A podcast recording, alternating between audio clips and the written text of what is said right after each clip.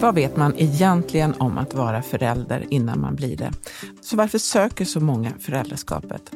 Kanske ser de att många runt omkring får barn och att de som vill men inte kan få några verkar olyckliga. Så det är kanske säkrast att ändå försöka, för barn ångrar man väl inte? Eller? Välkommen till Studio DN. Jag heter Sanna Thorén Björling.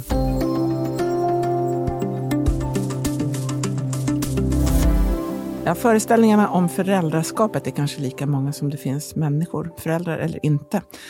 Den stora skillnaden tyckte jag mellan att vara förälder och att inte vara det, är det för att för en förälder så finns det inte längre något som heter ”jag orkar inte”. Med oss för att prata om vad vi tror att vi ska få, men kanske inte alltid får, av att ha barn har vi idag med oss Roland Påsen som är sociolog och författare. Välkommen! Tack! Har du barn? Nej. Men du har skrivit en lång och uppmärksammad text om att ångra barn. Eh, hur kom det sig att du började fundera på det där? Ja, i och med att jag inte har barn så har jag ju vägt för och emot. Och eh, en sak som ofta nämns även när eh, man offentligt skriver, ofta är det kvinnor som skriver att de tvekar kring om de vill ha barn, det är att eh, det är många som ångrar sig som inte skaffar barn. Men om man har fått barn så eh, ångrar man sig inte.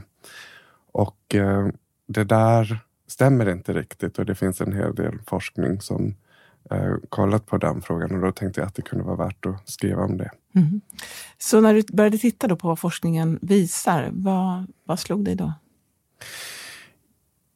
Ja, eh, vi har ju ganska bra enkäter då där man frågat eh, hur många barn skulle du vilja ha om du kunde välja om eller där man frågat ångrar du att du fått barn? Och eh, det är en minoritet som svarar ja på den frågan, men det rör sig ändå mellan 7 till 14 procent om man har ställt frågan i eh, Storbritannien, USA, Tyskland, Polen. Så det är ändå ungefär samma frekvenser. Och eh, det som slog mig med det är ju att det, det, betyder att det är rätt många ändå om man slår ut dem. Det är ungefär så det ser ut i världen så blir det ju miljontals människor. Och eh, det borde vi kunna prata om. De här undersökningarna du säger, de, de visar lite olika siffror, men det skiljer sig inte jättemycket då. Men hur, hur har de här undersökningarna gjorts? Är det, det är alltså enkäter eller är det djupintervjuer? Hur, hur gör man sån här undersökning? För frekvenser är det enkäter, ja. Och eh, sen har man även då gjort mer kvalitativa studier. Eh, där refererar till hon Orna Donat, en israelisk sociolog som eh, intervjuat framförallt kvinnor om eh, ångrat föräldraskap eller ångrat barn, hur man nu vill göra den distinktionen. Eh, men när det gäller frekvenserna så handlar det om enkäter. Mm. Så vad skulle du säga, om en person då säger att man egentligen helst skulle ha haft noll barn, eh, vad, vad betyder det? Ja, alltså här kommer man ju, det, där kommer man ju till frågan vad ångra barn betyder. Och en sak som Orna Donet lyfter fram i den här boken Regretting Motherhood som kom 2016 som jag tycker är eh, viktig är att eh, bland hennes informanter så var det egentligen ingen som ångrade sina barns existens utan var de här mödrarna då som hon intervjuade så gärna tryckte på var att de ångrade att de hamnat i den här situationen som kallas föräldraskap. Mm. Och det, det, tror jag är en viktig distinktion därför att vad det betyder är ju att eh, det är fullt möjligt att älska sitt barn till exempel och samtidigt ångra att jag hamnade i den här situationen. Mm. Men den här, att, att, hamna i den här situationen som, som du är inne på, eh, handlar inte mycket av det om ekonomi egentligen, eller möjligheter? Att barnen, eh, själva barnen inte har så mycket med saken att göra, utan att framförallt då kvinnor kanske känner att föräldraskapet berövar dem så mycket annat i livet. Det kan vara utbildning, eller karriär, eller resor eller andra typer av valmöjligheter. Va, vad tror du om det? Jag tycker om just Orna Donets bok därför att hon visar dels på de eh, det du beskriver, alltså kvinnor som fått sitt liv väldigt begränsat eh, Eh, på grund av föräldraskapet. Men sen intervjuar hon faktiskt också de som inte har den typen av ehm, eh, restriktioner utan som har kunnat ehm, leva ungefär som de vill ändå.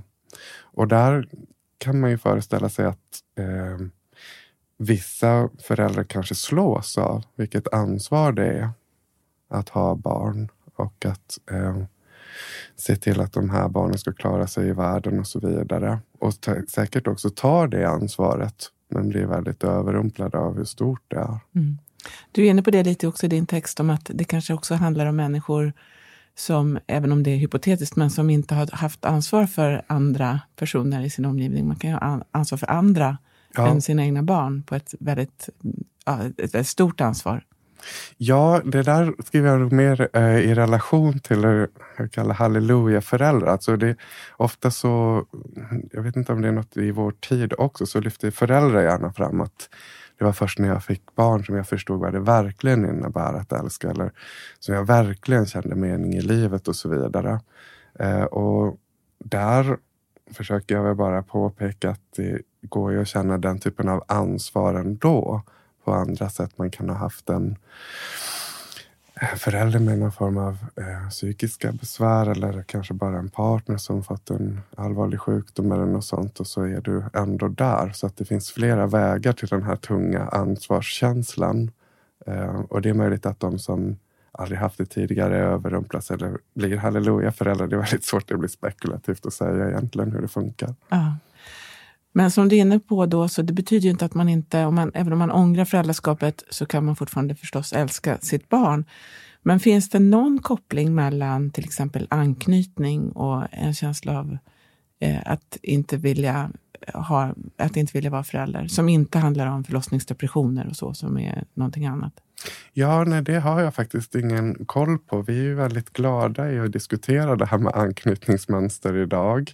Eh, och om vi inte gör det så kopplar vi gärna det här med ånger till just förlossningsdepression. Mm, men eh, de som Donat då intervjuar är ju ändå kvinnor som flera år efter eh, barnets födelse reflekterar kring och kan redogöra för varför de eh, hade tyckt det varit bättre att inte få barn. Mm. Eh, så ehm, exakt hur det ser ut i koppling med anknytningsmönster kan jag faktiskt inte mm. Du är inne på det här eh, att det inte bara handlar om ekonomiskt utsatta, till exempel mödrar, utan eh, eh, olika typer av, att man har olika typer av bakgrund. Vet man något mer om vilka mödrar det är som ångrar sig? Om, om det är när barnen är små eller stora? Eller?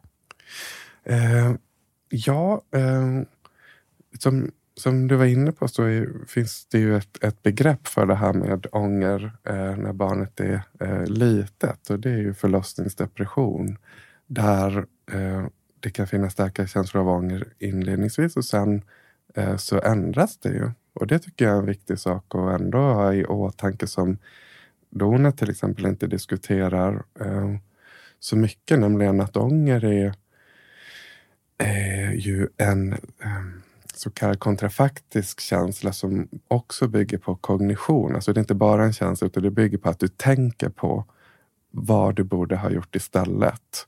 Och eh, det är ju faktiskt inget som man kan gå och tänka på konstant.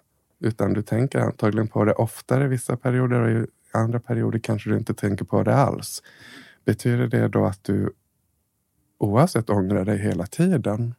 Det tycker jag är en viktig filosofisk fråga. Eh, jag skrev nyss en bok som handlar om oro och ångest och det är lite samma sak där.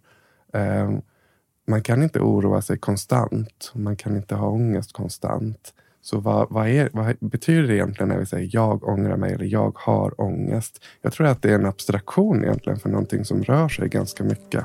Mm. Och så kan det där variera förstås. Mm. Mm. Eh, vi ska ta en liten paus och när vi kommer tillbaka ska vi tala mer om självförverkligande barn, ånger och dåligt samvete.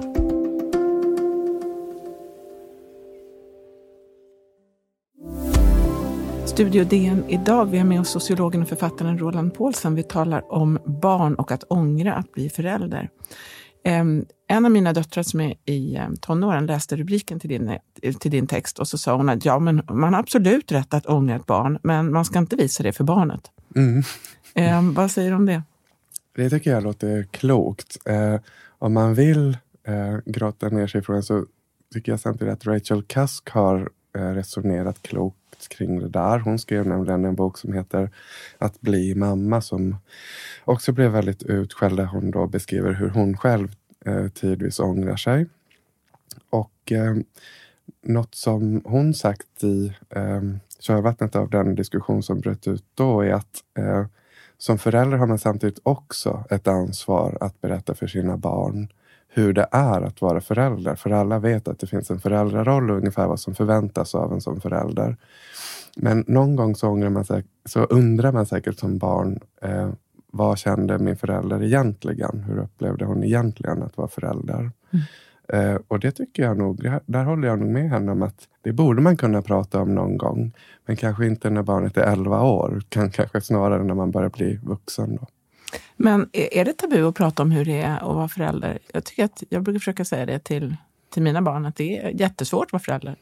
Ja, men det tror jag faktiskt vi kan säga idag. Och, eh, det, av någon anledning så är det det här med eh, känslor som är så tabu att säga vad man känner, vilket jag själv kan tycka är ganska märkligt. Därför att känslor som jag ser det kommer och går och de, det, vi kan ha väldigt aggressiva känslor en stund och det kan liksom bytas av från den ena minuten till den andra. Eh, men känslor säger väl faktiskt inte riktigt hur vi är som människor. Och framförallt kan de ju inte översättas till um, handlingar på något enkelt sätt. Mm. Du kan ju vara en förälder som har väldigt varma känslor för dina barn och ändå vara en väldigt dålig förälder och vice versa. Mm. Hur mycket tror du det här att vi inte pratar om känslor, hur mycket, eller att vi drar oss för det, hur mycket handlar det om förväntningar? Vilka förväntningar som vi kanske tror finns på en förälder, vad man ska känna? Ja, där eh, kan man ju föreställa sig att eh, det sättet som man börjar tala om föräldraskap i vår tid som en som faktiskt är ett slags självförverkligande i sig eh, kan leda till att eh, ången eller besvikelsen eller otillfredsställelsen blir djupare när man märker att det där inte uppfylls. Mm. Um, och, och, det är ju märkligt att uh, jag, jag, nämner ett annat sociologpar där, Ulrich Beck och Elisabeth Garns Heimbeck som skrivit om hur det här med att mitt liv, eller mitt barn är meningen med livet. Att det Eh, det är liksom något som man inte kan spåra så långt tillbaka i litteraturen. Föräldrar har inte uttryckt sig så, så, riktigt så under särskilt lång tid. Man har alltid uttryckt någon form av ömhet, men just det där är, är ganska nytt. Och jag tror att det eh, säkert leder till nya funderingar och problem för föräldrar. Och då är det det där med barnet som ett projekt, menar eller? Ja, eller som det som gör att man får en konstant, man, känner, man vet vad man ska göra av sitt liv och man slipper existentiell ensamhet och den typen av förhoppningar tror jag det handlar om. Mm. Men tycker du att det är, tror du att det är så att man det är många som har dåligt samvete över att tycka att barnen är skitjobbiga. Alltså, eller att man tänker att eh, ja, men nu var skönt att jag kunde lämna in dem på förskolan nu. Nu hoppas jag att jag aldrig mer behövde hämta ut dem. Och sen så kanske man känner så en stund och sen går det där över? Får man, får man känna så? Jag tror att det är som du skriver, det här, nu spekulerar vi igen här, men jag tror att det är precis så. Det, att, det, att det rör sig upp och ner. Ja. Som i alla relationer. Varför tror du att det är mest kvinnor som lider av det här? Eller som i alla fall är mest undersökta, mödraskapet? Ja, um, sen psykologin föddes har man ju talat om olika skeden i livet och vad som förväntas av en, vad man ska ha uppnått i en viss ålder och så vidare. Och Eh, just att få barn är en sån eh, del av livet så ofta som beskrivs som det biologiskt naturliga. Och eh, det biologiskt naturliga är liksom alltid, föreställningarna om det har alltid drabbat kvinnor hårdast vad den gäller. Ehm, så jag tror att det är ett skäl också till att det främst är kvinnor som diskuterar tvekan inför barn, som är en närliggande fråga. Eh, sen förstås också att det, det, finns en mer definitiv ålder för hur länge kvinnor kan få barn. Och kvinnor får ju eh, traditionellt sett, vi pratar ju nu också, kanske vi ska förtydliga här om, om, eh, om oss som bor i länder där man faktiskt kan välja. Det är ju många platser där, man inte, där detta inte är möjligt. Eh, mm. Men att det ändå är kvinnor som, deras liv förändras oftast mer än mäns mm. av av barn. Du skriver också att din, din manlighet inte skulle påverkas eh, eh, av om du blev förälder eller inte. Eh, jag vet inte om du har läst eh, Karl Ove Knausgårds bok Min kamp, men han lider ju otroligt av att gå på någon slags babyrytmik i en väldigt eh, berömd scen. Eh, så jag tänker att det också beror på om man är, är liksom med i den kultur som man lever i, vad som förväntas av vad man ska göra som förälder eller inte. Vad tror du om det där? Ja, nej, det är verkligen en bra observation. För, och där går det ju faktiskt i motsatt riktning. Han känner sig mindre manlig av att ha, få barn. Och eh, det där har säkert varierat. med en 1800-tals pappa, där var ju virilitet mer att man hade många barn. Sen tog man inte hand om dem oftast då. Men eh, det är påtagligt med Knausgård hur det går åt andra hållet. Han beskriver liksom typiska pappan som någon med breda höfter och smala armar i något parti också. Um, den föräldralediga pappan? ja, precis. Mm. Lite förslappad på något vis. Mm. Uh, ja. Nej, jag har inte tänkt så mycket på det trots att jag läst uh, den där hela sviten. Men um, det är möjligt att, att det blir mer påtagligt när man får barn. Jag tänker också att man kanske det är den här identitetsfrågan, att det är många som inte kanske tänker på det, att man kan faktiskt, man kan vara flera personer. Jag tyckte att det var så när man, man blev förälder, att det där att vara mor, det var inget jag hade tänkt särskilt mycket på. Men de här andra delarna som man har, de fanns ju kvar. Mm. Alltså man är ju fortfarande andra personer också. Eh, journalist till exempel, eller kompis eller vad det nu kan vara.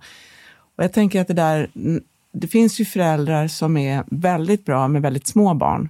Och sen finns det föräldrar som inte alls funkar med små barn, men som blir jättebra när barnen blir större. Att man, till exempel när barnen kan kommunicera på ett mer vuxet sätt.